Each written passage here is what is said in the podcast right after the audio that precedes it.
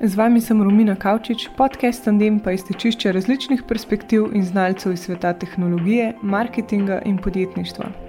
Koktajl uspešnih je poletna verzija podcasta, kjer se bom pogovarjala z ljudmi, ki verjamejo v to, da si življenje ustvarjamo sami in so zato pripravljeni tudi trdo delati.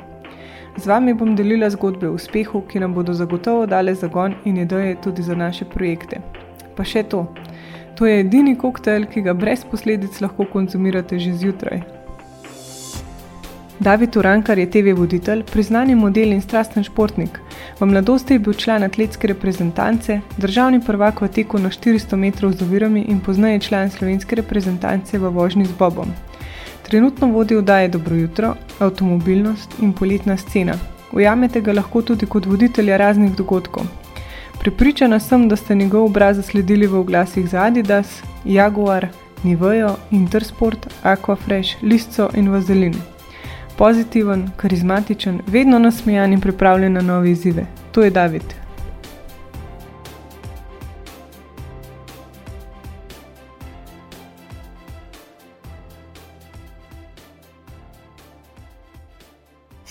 No, pa kar začniva.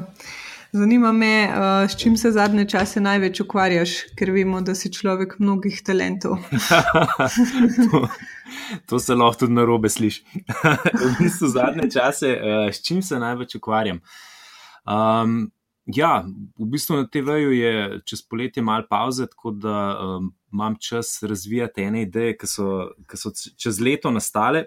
Um, ena izmed teh je tudi z ekipo, s katerimi smo delali letos žaromete pripravljamo en tak roadshow, ki bo, um, ne vem, kako ne ti na hitro upišem, ampak ena taka zabavna zvrst stvari, ki jih ne morem reči na TV-ju. Oh, to, to bi bil to... Uh, one sentence speech. boste, torej, boste po celi Sloveniji šli v krog. Ja, tako je ideja. Tako je ideja da bi v bistvu pripravili eno tako uh, sproščeno, zabavno um, oddajo, ki bi lahko gostvala po, po celi Sloveniji, no? ki bi bilo v bistvu na nek način predstava. Aha, predstava, ja. ampak pol tudi na TV-ju. Ne, ne, ne, ne. ni, ni, Aha, mišljena, ni mišljena za TV, ni, ni mišljena za, za tak format, da bi bil na TV-ju. No, uh -huh. no ful dobro, ja. se že veselim. Um, no, v bistvu pri tebi je najbolj zanimivo to, da si začel kot športnik, ja. pa si že v tem času postal maneken oziroma model, zdaj si voditelj, družinski človek. Uh, zato me zanima, kako ti uspeva, oziroma kaj te sploh gnali iz, te, iz različnih področji v spet druga področja. Pa veš, kaj ni bilo dejansko nikoli tako, da bi jaz um, nekaj pušil da bi, da bi šlo, veš, vse je tako spontano, ratelj. Tudi, recimo, ko sem bil v atletki, um, je čistko, by the way, prišla ponudba za modeling. Potem, ko sem bil že nekaj časa v modelingu, um, so me poklicali na audicijo, oziroma mi moja bukarka povedala, da na RTV-ju imajo audicijo za nove voditeljske obraze. In to je tako, se mi zdi, da, da sem bil. Uh, tako, to je malo klišejsko, ampak v pravem času, na pravem mestu, uh, pa da takrat, je bila šansa, da sem jo zagrabil. Uh, nisem imel pa nikoli na začetku, mislim, takrat, ko sem bil atlet, ki sem bil, mislim, tudi že prej, recimo srednja osnovna šola, ko sem igral košarko, si nisem mislil, da bom kdaj, ne vem, tako dobro. Pa rečemo temu, na rekovajih, kariero naredil v atletki. Ali pa pol, ker sem bil v atletki, sem bil tudi 100% v tem. Sem nisem živel za tistih 400 z ovirami.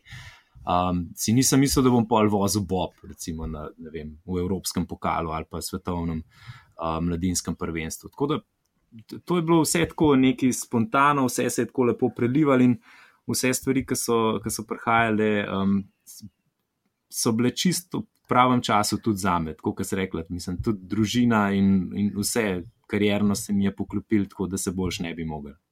Uhum. Sam se mi zdi, da pa v bistvu si dal tudi fokus na to stvar, mislim pa, če se res mogel poglobiti. Ja. Ker eh, recimo vodit, voditeljstvo je zihar ena takih stvari, da se se mogel naučiti um, govora pa tako. Ja, to je pa v bistvu ena izmed teh stvari, ki mi je pa res ostala še iz športa, pa mogoče tudi malo tak človek sem, no, da vsako stvar, ki se jaz pravim delati, jo rad delam dobro, zdaj upam, da tudi na zunit to tako poli spade. Uh, tako da v bistvu in, in pa športu je bilo ogromen treninga in ogromen enih analiz, in tudi pol, ko sem začel delati na televiziji.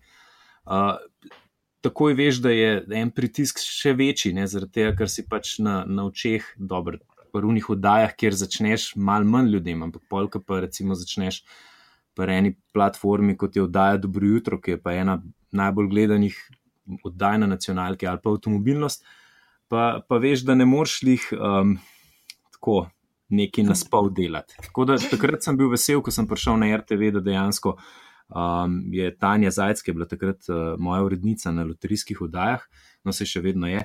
Um, Je poskrbela, da sem šel čez uh, delavnice sproščenost in prezenca, govorne vaje, uh, slovnica, govorna artikulacija, um, branje besedil z logičnimi podarki. To je bilo, ne vem, pol leta po vsak dan dve uri, tako skoraj, da bi na faks hodil.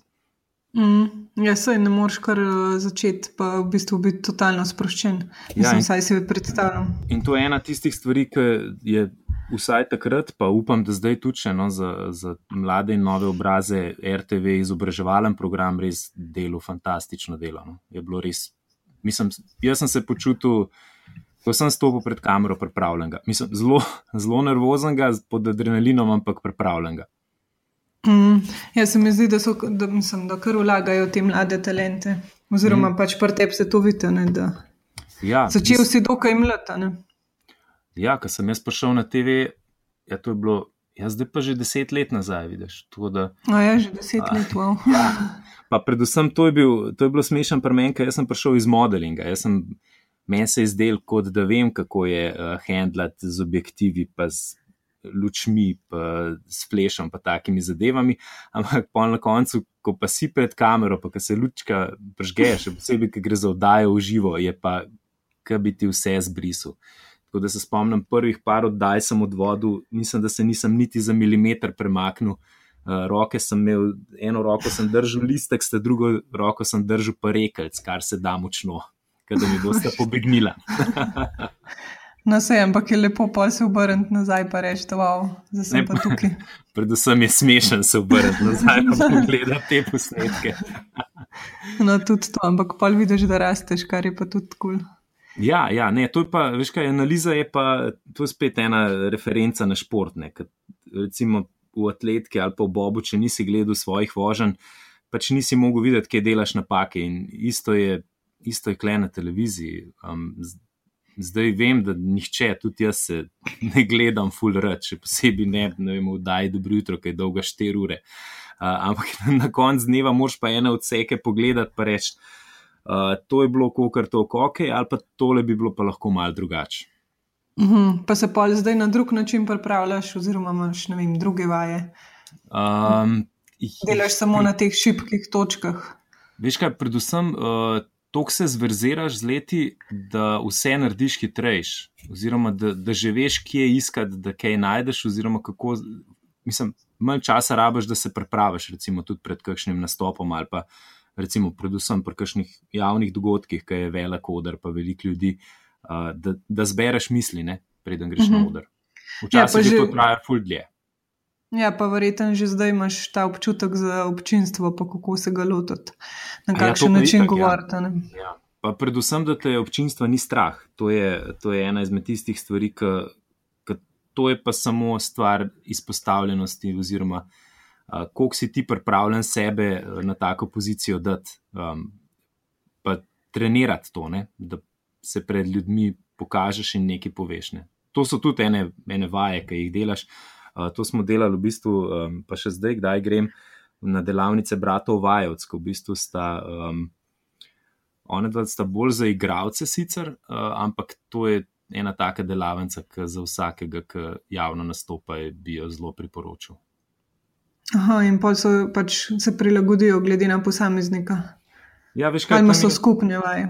Ja, to so skupne vaje, in pol uh, na koncu vsake vaje kdorkoli, če želiš ali pa ne, lahko stopiš pred, pred vse in potem imaš eno nalogo. In uh, to moraš upraviti tako, pač, da tudi ljudem daš eye contact, da veš, se ne izogibaš, uh, da se publiki ne izogibaš. Ne? Veš, najlažje ljudje pravijo, ja, gledaš med oči ali pa nekje na sredo čela, pa je to to. Sam pol v eni fazi pa to ni več tako zelo osebno če hočeš iti na, naslednja, na naslednji korak. Ja, točno to je, v bistvu ostaneš lahko bolj povprečen. Ja, ja. Ampak zdaj vodiš v bistvu to oddajo avtomobilnost, pa dobro jutro. Mhm. Res je, pa čez poletje, poletno sceno, ki je pa taka RTV-ovska osvežitev, um, malo dogajanja z kulturnega um, ja, in tudi malo širšega uh, območja, kaj se dogaja po Sloveniji, um, okolici, zdaj v teh toplih dneh. Uh, meni se zdi, da je v bistvu ta avtomobilnost, da ti ful sedi, ker se mi zdi, da te avti zanimajo. Tako ja, da no, v bistvu vse povezuješ, uh, to se mi zdi tudi fascinantno. Da, da znaš v bistvu povezati je... strast, pa še z biznisom. to je, to je en, ena taka hobi oddaja, to je res um, za dušo. To je taka stvar, ki jaz mislim, da. Eh, večina moških, pa tudi kar velik punc, no, bi, bi si želeli tako oddajo delati. Že sam z tega vidika, um, da si skozi v družbi novih modelov, novih avtomobilov, um, da lahko veliko peleš, um, skozi diši po novem. To, to, je, to res ni slabo. to je super, ja, pa še inovativnost. Ja, ja. Zdaj me pa zanima, v bistvu, kaj bi si ti želel vedeti, preden si začel z vodenjem oddaj oziroma dogodkov. To je dobro vprašanje. V bistvu uh, tega ti nihče prav za res ne pove, da v bistvu, ko gledaš televizijo, pa kakšne uh, take bolj ali pa manj zabavne filme o voditeljih. Uh, Ve, vedno vidiš na voditelja, ki pride v studio, asistent režije mu da scenarij, on mal pogleda, pol nek drug asistent mu prinese kavo in potem se on usede in mu že nekdo odšteva in pol grejo not. Uh, v bistvu pa preden pride do tega, uh, in če vsaj. Če si želiš, recimo, ne samo biti uh, voditelj, ne samo biti tisti, ki je izvajalec, ampak recimo speljati tudi kakšno svojo oddajo ali pa idejo, uh, ali pa recimo odvoditi nek dogodek po svojem scenariju, uh, je pa kar veliko enih, enih sestankov, um, pa poleg tega, kar so prej govorili, ne se pravi, te, teh vaj, pa stvari za sproščanje, pa tako na nek način, da osebnostno zrasteš kot voditelj, kar moš delati skozi, da na nek način to ne zamre v tebi. Uh, so pa te sestanki pa pripravljene, da na koncu uh, si na nek način že skoraj mal podjetnika, ne? da se recimo z naročnikom dogovoriš o tem, kaj bi oni želeli med v scenariju, kako to speljati, um, kako bojo potekale stvari. Tako, zelo velikrat, recimo, ko prideš na en sestanek, ti nekdo reče: ja, Jaz bi rad pa tvoj feedback za nekaj in na to moraš biti pripravljen. Dobro, so recimo neke agencije, ki recimo dogodek speljejo tako, da ti res pripravijo scenarij in sam rečejo: Ja, da si ga prosim tako prilagoditi, da boš povedal s svojimi besedami ali pa ti dajo neke oporne točke in imaš sceno sled že postavljene. Ampak kdaj je pa v bistvu zelo velik na tebi in to je tista stvar, ki. Um, mogoče prvič, ko sem bil postavljen pred njo, nisem bil tako pripravljen, ampak sem pa zelo, zelo hitro reagiral, se mi zdi. Uh -huh. ja, zdaj se mi, no, vse to je po mojem tudi povezano s tem, da nisi samo nekaj na pol v tem, ampak se ja, ti zdi, ja. da res pač moraš dati celega sebe, da lahko nekaj kulskega vam pride. Ja, da, nared, da narediš dejansko naslednji korak. Vse to je po mojem, v, v, v kjerem koli poslu, ki ga upravljaš, uh, da, da nisi samo pač izvajalec, oziroma da ne narediš samo tistega voditeljskega dela, ampak da daš se malo svoje kreative noter, kar pa se mi zdi, da nam je vsakmu vsaj mečkano interesu, ne? da rečeš, ok, to je pa ena moja stvar, ne to sem pa sam prebral ali pa to sem pa samo povedal, tako kot so mi napisali. Uh, in to, to je pač um, tisto zadoščenje, pa na nek način dobiš v tem, da imaš malo tega avtorskega doprinosa, se v medijskem svetu zelo rado reče. Ja, pa še v bistvu in, in naročnik, ali pa v tem primeru pač občinstvo zelo zadovoljno. Ne? Ja, in dejansko pol pri projektu si to ti. Ne? To se recimo meni, in pri dobro jutro, in pri avtomobilnosti, ne, uh, imam recimo zelo proste roke, kaj povem, um, kje teme izberemo, kako na kak način jih zapakiramo. In pa dejansko je oddaja nek, nekaj, kar si tudi ti. Ne? Daš daš en svoj, uh, en svoj flow celemu sistemu, oziroma um, celi vdajci. Ja, pa lažje je biti pristen, ker spoh pri teh vdajah, ja. mislim, da recimo dobro jutro imate v živo, bi lahko kar zablokiral. Bi... Res je, res je. Ja, niti, niti treba toliko fejkati. Čeprav, veš, po drugi strani pa uh, je pa zelo challenging, pa to imam jaz tudi rad, ko mi rečejo, da je dobro jutro, um, do nas bi pa prišel gost ali pa ne vem, naslednji teden bi pa prišel gost, ki se ukvarja z neko rečjo, ki jaz v življenju nisem slišal za njo. Zato, ker to je pa tisto, ki pa pol možgančki začnejo delati, pa ker se je treba mal bolj pripraviti zaradi tega, da ne sprašuješ najbolj neumnih stvari na svetu. Uh, in in ko vidiš čez debato, koliko novih stvari se ti uh, na nek način v glavi uh, utrne in koliko enih pod vprašanj se kar naenkrat generira uh, za eno stvar, ki v življenju nisi slišal prej za njo. Ja, to je res hudo. Kateri dogodek oziroma prireditev bi si pa želel voditi v prihodnosti, oziroma če recimo omejitev ne bo? uh, ne vem, včasih uh, so se mi zdeli pa zdaj že nekaj let ni več tako, ampak recimo, uh, ko je Seth MacFarlane, um, mislim, da ta prve, ta prve, mislim, da Oscar je vodil. To se mi je zdelo zelo fino. No? To je bila ena taka prireditev, ki sem rekel, takrat, ko sem gledal, oh, to bi pa tudi jaz vodil. To mi je bilo tako. Tak, zato, ker se mi zdi, da veš, ko, um, ko delaš uh, oddajo, imaš kamere, in si predstavljaš, kdo te gleda. Zato, da um, lažje ti je, če, pred, če si ne predstavljaš kamer, ampak si predstavljaš ljudi. Uh, ko pa delaš en dogodek, tako kot je v živo, um, ki ima dejansko publiko, uh, je pa prav en posebna, poseben odnos, posebna kemija se ustvari med občinstvom in voditeljem. Veš, takoj, takoj vidiš, a je šala uspela, uh, takoj vidiš, a je komu dolg čas, uh, a je to stvar, ki nekoga zanima.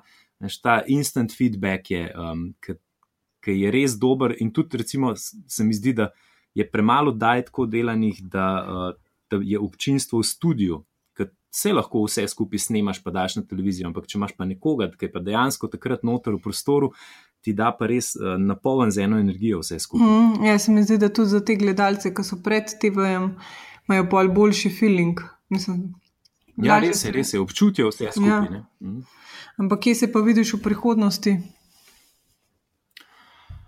Uh, v prihodnosti, hm, v bistvu, tako kot zdaj, v pravem času, na pravem mestu.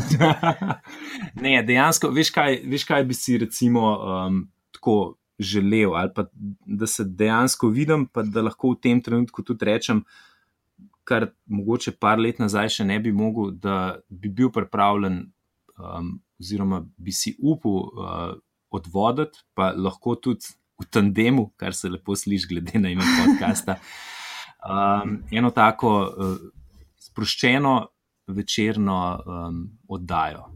Tako, tako kot smo imeli, veš, kot smo gor zrasli s Tojanom Averjem, pa z Jonasom, uh, pa z Ladotom, pa Jurijem. Eno tako talk show oddajo s enim do dvema gostoma, z mal dobre glasbe, uh, z live publiko, s par nagradnimi igrami, s par res dobrimi sketchi, ki v Sloveniji imamo toliko kvalitetnih uh, ljudi, ki znajo delati sketche, od, od improligašov do komikov, da bi bilo škoda jih ne ponuditi za kakšne take uh, mini cukrčke, recimo v kakšni prime time večerni vdaji.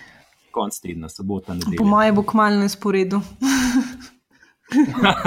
Iz tvojih ust, božje, všeč, ali kako se reče. Ne, jaz držim pesti. Hvala. hvala. Um, pa je težko usklajevati življenje pred kamerami in zasebnost, sploh zaradi pač, da danes imamo toliko družabnih omrežij, pa ljudje širijo vse mogoče stvari. Ja, mislim, po prvi smo en men. Ta prvi šok je bil, ko je um, enkrat ena revija dejansko z mojega Facebooka pobrala fotko in napisala cel članek, brez da bi me karkoli vprašala ali pa me poklicala. Um, tako, celo reportažo. No, in sem si jaz mislil, ok, to zdaj si lahko pa že uh, vsak pač zmisel zgodbo okrog nečesa. Ampak na koncu, v bistvu, ko pomislim, ko postaneš javna osebnost, oziroma ko si izpostavljen um, prek televizijskih ekranov ali pa, pač kjerkoli se pojavljaš, moš to vzeti za kup. Zdaj, če je to težko, meni niti ne, zato ker po pravici povedan, dobro, jaz sem, sem drugačen, doma, ampak spet ne toliko, da bi zdaj mogel zelo filtrirati te osebine. Jaz, recimo, kar se je v eni fazi zgodil, ne vem, takrat, ko, na Facebooku nekaj časa, ko sem imel še zaprt profil, pa pol, ko sem naredil ta profil pretvoril v fanpage, zaradi tega, ker je bilo čist preveč enih stvari gor. Um, nisem dejansko nič brisal z tega profila. Ne? To je vse stvari, ki sem jih prej objavljal, so v bistvu v skoraj enaki meri bile objavljene kasneje, zato ker dejansko to, kar sem real life, sem praktično tudi na TV-ju in zato ker v enem trenutku sem si rekel, tudi zaradi recimo oddaje dobro jutro, ki traja 4 ure, um, da ne bom fejku, da pač.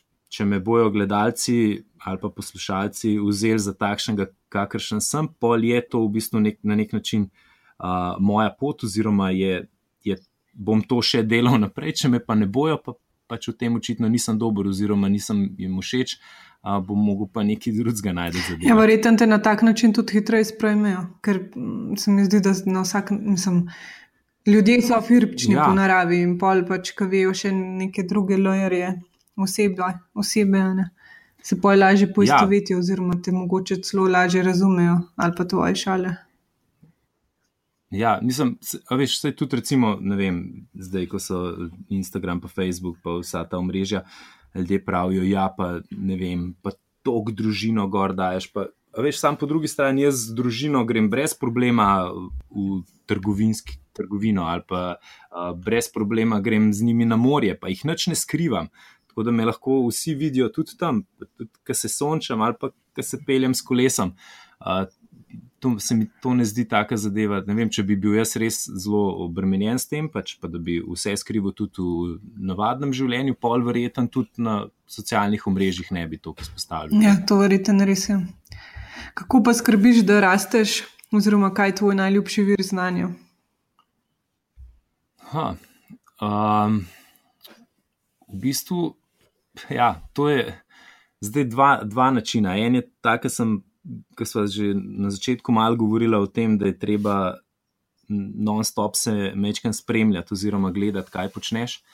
Uh, zato, ker ta stagnacija nastane, po mojem, zaradi tega, če, če ne delaš. Um, če ne delaš dobro tega čeka, kaj si v bistvu naredil, oziroma če, če nimaš statistike dobro narejene. Uh, in to je in pri vodenjih, uh, in pri čemer koli, po mojem, česar se lotaš, no, da, da je dobro te stvari malo preveriti za nazaj, pogledati, analizirati. Um, to je ta stvar, ki, kot rečem, mi je ostala na nek način še od športa. Um, pa, vsaj kar se um, voditeljstva tiče, meni se zdi zelo dobro, da. Da spremljaš, pa no, dobro, ne samo voditeljstvo, tudi na splošno se mi zdi, da je ful dobro, da spremljaš tudi koga drugega, ki dela kaj podobnega, kot delaš ti.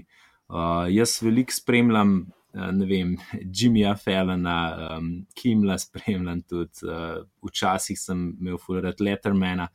Uh, tako da to, to so te, veš, reference iz medijskega sveta, ki so mi zanimive. Ne vem, ko sem, recimo, takrat, ko sem na kakšen modelingu v Avstriji, uh, vedno gledam avstrijsko oddajo, dobro jutro. Uh, spremljam, ne vem, tuje avtomobilske oddaje, The Grand Tour. Pa ne zaradi tega, ker bi želel delati kot oni, ampak sam uh, zato, da dobiš en feeling, kako drugi stvari delajo, um, kako znajo neke stvari ukomponirati. Se mi zdi, da se ne smeš biti uh, družiti, pa pogledati še kje druge. Pa mogoče tudi celo koga vprašati, kar recimo pri nas je zelo veliko priložnosti, uh, ker je tak zelo odprt sistem, kar se medijskih. Uh, medijskih vsebin, pa tega povezovanja tiče. Ja, pa se mi zdi tudi v bistvu, da ti dajo lahko polen. Mislim, recimo, že določene države imajo mogoče kakšen večji feedback z oddaje, pa lahko ti pol pač prilagodiš, oziroma ne vem, če veš, kaj točem bi se lahko naredil, predlagaš tukaj ustvarjalcem, pa pač se pol to ustvarjane. Ja, res je. Pa včasih se nam zdi, vsaj meni, no, se je včasih zdel, recimo, ko sem srečal na avtomobilskem salonu, ne vem, Clarkson ali pa koga drugega, ki je bolj znan avtomobilski novinar, pa se mi zdel tako, joj. Kaj mu bom zdaj jaz težil? Ampak na koncu pa gotoviš, da te ljudje, ki so, ki so super uspešni, jim nikoli ni težko deliti znanja ali pa idej tako ne bojo rekli, ok, jaz ti pa ne bom pomagal, ali pa jaz pa ne bom ti dal tega kontakta, če bi ti želel snemati eno zgodbo, ki je res zanimiva. Uh, to se mi zdi, da je, da je bolj problem teh tam malih, oziroma mogoče celo sam slovenskega. Ja, se mi zdi, da tisti, ki so obremenjeni s tem, da bi jih kdo skopiral, ne? pa pa pač noče še rad, ker mislijo, ja, da so ja. nezamenljivi. Oziroma, da če povejo karkoli, da pač ja, bo pa kdo zamenil. Tako, jaz imam srečo, da recimo igram košarko eh, s eno ekipo, ki so večinoma vsi programerji. Uh, in uh, si fanti, recimo, debatirajo o idejah, o nekih startupih, uh, o aplikacijah, uh, tako med sabo. Ne? In pol je enkrat nekdo vprašal, ja, pa čakaj, vi se kar tako pogovarjate, ne? kaj pa če kdo to ukrade. Prav, ja, lej, če imam jaz eno idejo, jo hočem predebatirati, pa razviti s čim več možnimi ljudmi, oziroma s čim več možnimi, kako moš razmišljati, uporabniki da bo pol ta ideja prišla do enega nivoja. Ne.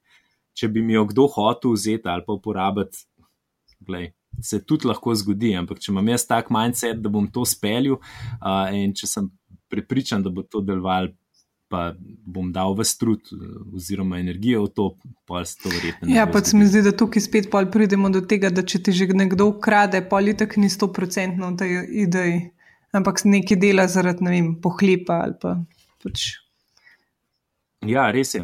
Res je pa dejansko, če, če si ti 100% notrne, to se popolnoma strinjam, boš siguren to razvil boljš, kot kar nekdo, ki bo hotel to replicirati, oziroma bo hotel sam narediti za to, da je vem, prvi na marju. Ja, točno to. Um, kaj te pa najbolj sprošča, oziroma kako poskrbiš za regeneracijo, glede na to, da je tvoj urnik kar natrpan? Kaj me sprošča? Sprošča me um, šport. Šport še vedno je tista stvar, ki mi pomaga uh, tako spucati vse misli, uh, kot tudi kdaj, ko, ko imam kakšen dan, ko ne morem nič kreativnega spraviti iz sebe, pa grem teč ali pa na kolo, um, začne spet vse uh, na novo poganjati. Uh, tako da šport je, šport je za me, siguren, tista stvar. Pol, če se le da, uh, probujte ženo enkrat vsake tok na masažo. Uh, to je tista stvar, ki naj zelo sprošča, pa še uh, quality time together je. Um, pa sprošča me ja, uh, igrati, mislim, to je šport, ampak v bistvu na nek način tudi balkane druženje. Um, košarka, uh, to je, je tisto, kar mi je vedno bilo na nek način. Um, tisti, da sem lahko šel vem, pod koš, da sem se razmetel, ali kako se reče v žargonu. pa, pa igrice, ampak tega pa zelo mali gram zadnje čase, včasih sem jih več. Zdaj pa recimo enkrat na pol leta naredimo kakšen turnir v FIFI na, na konzoli. Je to že kar dost. Sem se navadil, da znam ceniti tudi tiste reči. To je bolj za zimo, ne? ker ne moreš športati. ja, ne, to, To je, za, ja. to je za vsak letni čas. Vsak letni. Zdaj, recimo, v času uh, nogometnega prvenstva je to. Imáš svoje prvenstvo, pa lahko. Uh, v bistvu, če ti povem po pravici, eh, sem prinesel še en ekran zraven televizije, tako da ker zadnjič uh, smo spremljali eno tekmo, hkrati pa igrali še na konzoli drugo. Ampak da ne bo zdaj zvenel, da to delamo vsak teden. To so res tako izjemne priložnosti, no, ampak se damo duška. To, je, to gre pa re, res gre na nož, to je upitje. Si predstavljam. Ja. Um, kako bi pa ti definiral uspeh? Uh, da v bistvu, da predvsem najdeš nekaj, kar te, kar te veseli, pa kjer se čutiš, da je to na nek način, da to bo zgulen, tvoje poslanstvo. Uh, ampak da res rečeš, ok, zdaj sem nekaj najdel, v, v, v čem uživam uh, in bom to speljal do tega nivoja, ki bom lahko rekel, zdaj, zdaj pa to delam, kot je to v redu. Mislim, jaz sem zelo, nisem hiter zadovoljen. Tako da, če bi me vprašali, na koliko procentih, recimo, jaz delam, ti ne bi mogel dati visokega odgovora, zato ker še vedno vidim stvari za napredek. Ampak po mojem je uspeh že to, da znaš definirati to, kar delaš um, in to, da te veseli, da to delaš, uh, in pol probaš v tem um, rast in pa graditi to do, do ene točke, ki si lahko rečeš, ne vem, verjetno na koncu pol, ki delaš zadnjo retrospektivo. Je pa pa pride nov okay. izziv. Mm. Ja, ne, siguren, vedno pa pride nov izziv. Pa, um, se mi zdi, da eh, to sem enkrat že rekel, ena mojih uh, najljubših teh fraz, eh, uh, ki jih je rekel Denzel Washington. Pa zdaj nisem človek, ki bi kar kvote tako metu oziroma abuzu. Uh, je rekel, da uh, sreča je, ko pride pravi trenutek, pa si ti na njega pripravljen. Mm -hmm. Da te ni strah. Ja. Da v bistvu si, si sam ready, ready to own it. Ja, in to se mi zdi, da ti si, oziroma že čez cel pogovor se to vidi. Da, da se ne ustrašiš tako izjemno, eh, da ne. pač jih spremiš, oziroma se pa potrudiš, ko se nečesa lotiš. Ja, sam, a veš, je pa, mislim, zdaj to. Hvala, ker se je ful lepo slišal, pa je ful leskaš. Ampak dejansko moraš imeti pa toliko samo refleksije, da v enem trenutku rečeš, ta projekt je bil odpeljan. Recimo, primer, jaz v atletiki sem bil ful dober mladinc. Uh, sem usvojil, kar se, kar se mladinskih uh, kolajn, pa, pa prvenstvu tiče, skoraj vse, kar se je dal. Ampak poločlanski sem sicer nastopil za vem, slovensko reprezentanco, pa šel na Evropski pokal, pa se, sem se imel zelo fino, veliko potval. Uh, ampak v, v enem trenutku sem videl, recimo, tri sezone zapored, brez osebnega rekorda, sem videl, da to ni več tista stvar, ki recimo, sem jaz lahko. Jo lahko še nadgradim, kljub vsem treningom, vsem izboljšavam, mhm. vsem analizam. A veš, kaj mislim? In pol v tistem trenutku sem jaz že nekako podzavestno začel gledati, kaj bi bila lahko naslednja stvar. In raven takrat, ne vem, so bili Hrvati na olimpijskih igrah uh, z Bobom in se je začela graditi slovenska Bob ekipa. In sem rekel, ok, če sem v atletki dober, pa za Bob rabiš sprint, rabiš eksplozivnost, a pol bom mogoče tudi za Bob. Ampak veš, tudi po nekaj časa Boba, ko sem videl, da to je finančno ful velik uložek, da je treba ful velik časa preživeti na ledu, um, kar je bilo takrat, ko smo v bistvu zajdo že na nek način razmišljali o družini.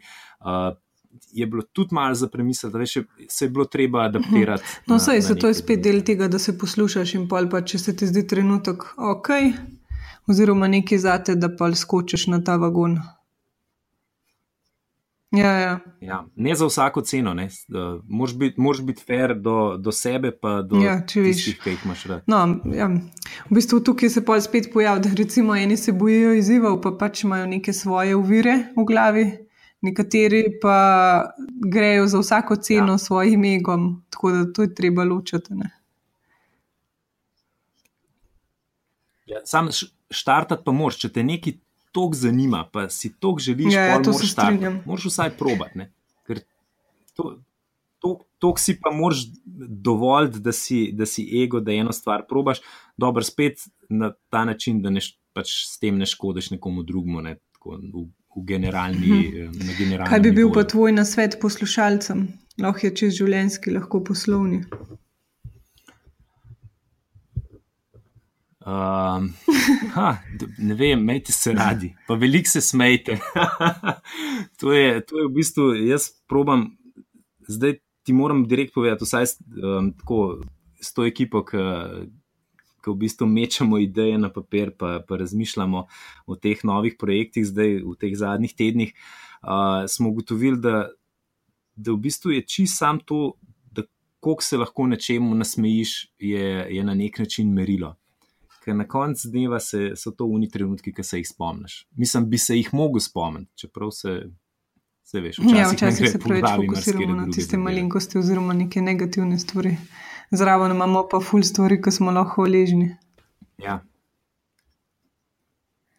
In če je priložnost se z nečesa pohecati, uh, oziroma se nečemu nasmejati, je no, to pa lepo slišati, oziroma ja. se tudi vidi v vseh tvojih prezencah um, David, ful, hvala ti za ta intervju. Pa seveda ti želim čim več uspehov še naprej in da gre spet po tvojih pravih trenutkih naprej. uh, Romina, ful, hvala, zelo sem vesel tvojega povabila.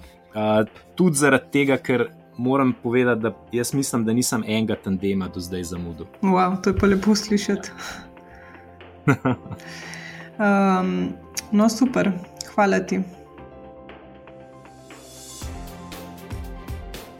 Za konec uh, naj povem še to, da je podcast Tandem neprofiten in samostojen.